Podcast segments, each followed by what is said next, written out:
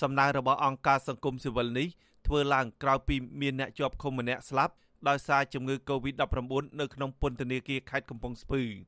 អ្នកសម្របសម្រួលសមាគមអាត60ខេត្តកំពង់ស្ពឺលោករដ្ឋាវីព្រួយបារម្ភថាអ្នកជាប់ឃុំកាន់តែច្រើននិងប្រឈមហានិភ័យធ្ងន់ធ្ងរនៅក្នុងពន្ធនាគារលោកយល់ថាស្ថានភាពនៅចំពោះមុខនេះអាជ្ញាធរគួរតែបញ្ជូនអ្នកជាប់ឃុំដែលឆ្លងជំងឺ Covid ឲ្យទៅទទួលសេវាព្យាបាលជំងឺត្រឹមត្រូវនៅតាមមន្ទីរពេទ្យ បើសិនជាខ្វះវិធានការ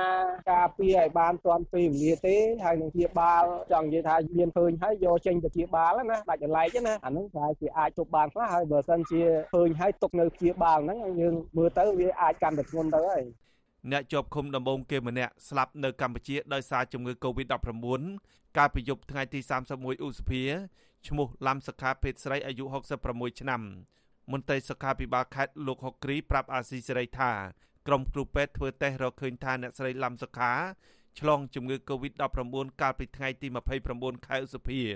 មន្ត្រីដដែលបានបញ្ជាក់ថាអ្នកជាប់ឃុំរូបនេះមានជំងឺប្រចាំកាយហើយនៅពេលធ្វើតេស្តនោះគាត់មានសភាពហត់និងដង្ហក់ខ្លាំងអភិបាលខេត្តកំពង់ស្ពឺលោកបៃសំណាងប្រាប់អាស៊ីសេរីថាគិតត្រឹមថ្ងៃទី1ខែមិថុនាអាជ្ញាធរបានធ្វើតេស្តរកឃើញអ្នកជាប់ឃុំប្រមាណជាង100នាក់និងមន្ត្រីពន្ធនាគារជិត10នាក់ ឆ្លងជំងឺ Covid-19 នៅក្នុងពន្ធនាគារខេត្តកំពង់ស្ពឺលោកបន្តថាអាជ្ញាធរជំនាញកំពុងរករកមូលហេតុនៃការឆ្លងចូលទៅក្នុងពន្ធនាគារនេះ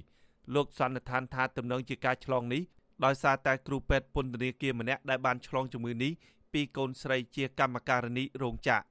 លោកអភិបាលខេត្តបានបន្តថាដំណោះស្រាយនៅចំពោះមុខគឺអាជ្ញាធរយកអ្នកឆ្លងជំងឺ Covid-19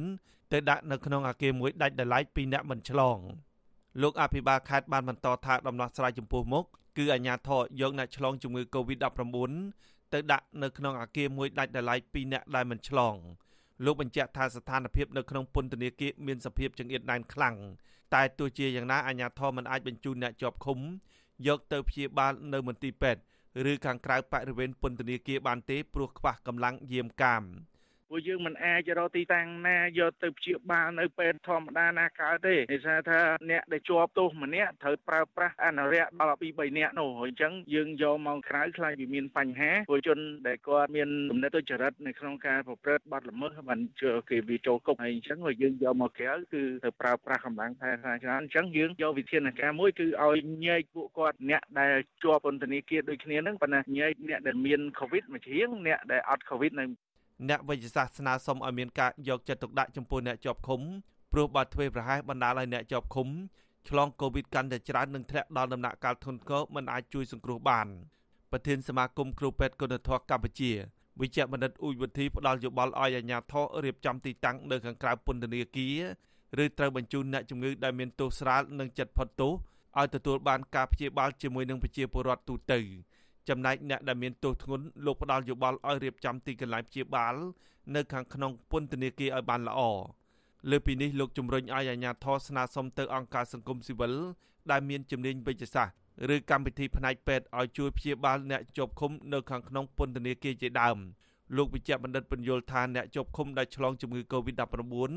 ងាយនឹងធ្លាក់ខ្លួនឈឺដល់ដំណាក់កាលចុងក្រោយជាងអ្នកដែលនៅក្រៅឃុំដោយសារតែការហូបអាហារនិងគេងមិនគ្រប់គ្រាន់ រួមផ្សំជាមួយនឹងជំងឺប្រចាំកាយលោកបារម្ភថាប៉ះសិនបើអ្នកជាប់ឃុំឆ្លងជំងឺនេះដល់ដំណាក់កាលទី3កាន់តែច្រើន ពួកគេនឹងត្រូវទុកចោលដោយសារតែខ្វះបំពង់អុកស៊ីហ្សែនសម្រាប់ព្យាបាល។ បើសិនជាដល់ដំណាក់កាលទី3អាហ្នឹងមានតែគេបលែងគាត់ចោលអាហ្នឹងតាមខ្ញុំមើលព្រោះដំណាក់កាលទី3វាត្រូវប្រើអុកស៊ីហ្សែនច្រើនវាប្រើប្រើម៉ាស៊ីនផ្ដល់ដង្ហើមឲ្យគាត់ហ្នឹងគេហៅវងទូសហ្នឹងបាទម៉ាស៊ីនជួយដង្ហើមគាត់ហ្នឹងត្រូវការឲ្យម៉ាស៊ីនហ្នឹងថ្លៃហើយបើសិនជាគាត់ដល់ដំណាក់កាលទី3ហើយអាហ្នឹងពិបាកបន្តិចចឹងទាន់ដំបូងចឹងគួរណាតែក្រសួងពាក់ព័ន្ធហ្នឹងមេត្តាជួយរៀបចំគាត់ហើយក៏ដូចជាប្រមុខរដ្ឋាភិបាលហ្នឹងសូមឲ្យប្រមុខរដ្ឋាភិបាលលោកបានដឹងផង បើទោះជាភាគីពាក់ព័ន្ធទាំងអស់ចាត់ទុកថាការឆ្លងជំងឺ Covid-19 នៅខាងក្នុងពន្ធនាគារជាហានិភ័យធ្ងន់ធ្ងរតែអាជ្ញាធរនៅតែមិនទាន់បញ្ចេញព័ត៌មានតាក់ទិនទៅនឹងការឆ្លងនៅខាងក្នុងពន្ធនាគារឲ្យបានទូលំទូលាយនៅឡើយទេ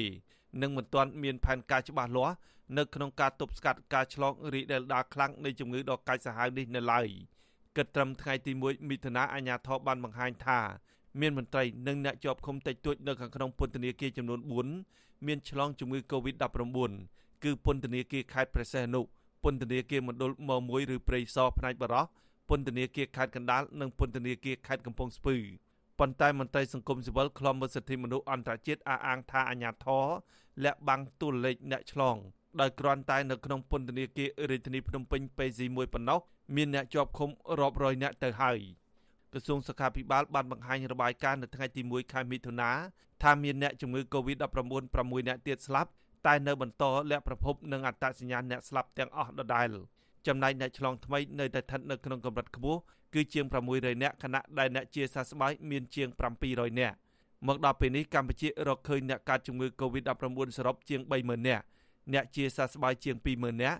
និងអ្នកស្លាប់សរុប220នាក់ខ្ញុំបាទហេងរស្មី អាស៊ីសេរីពីរដ្ឋធានី Washington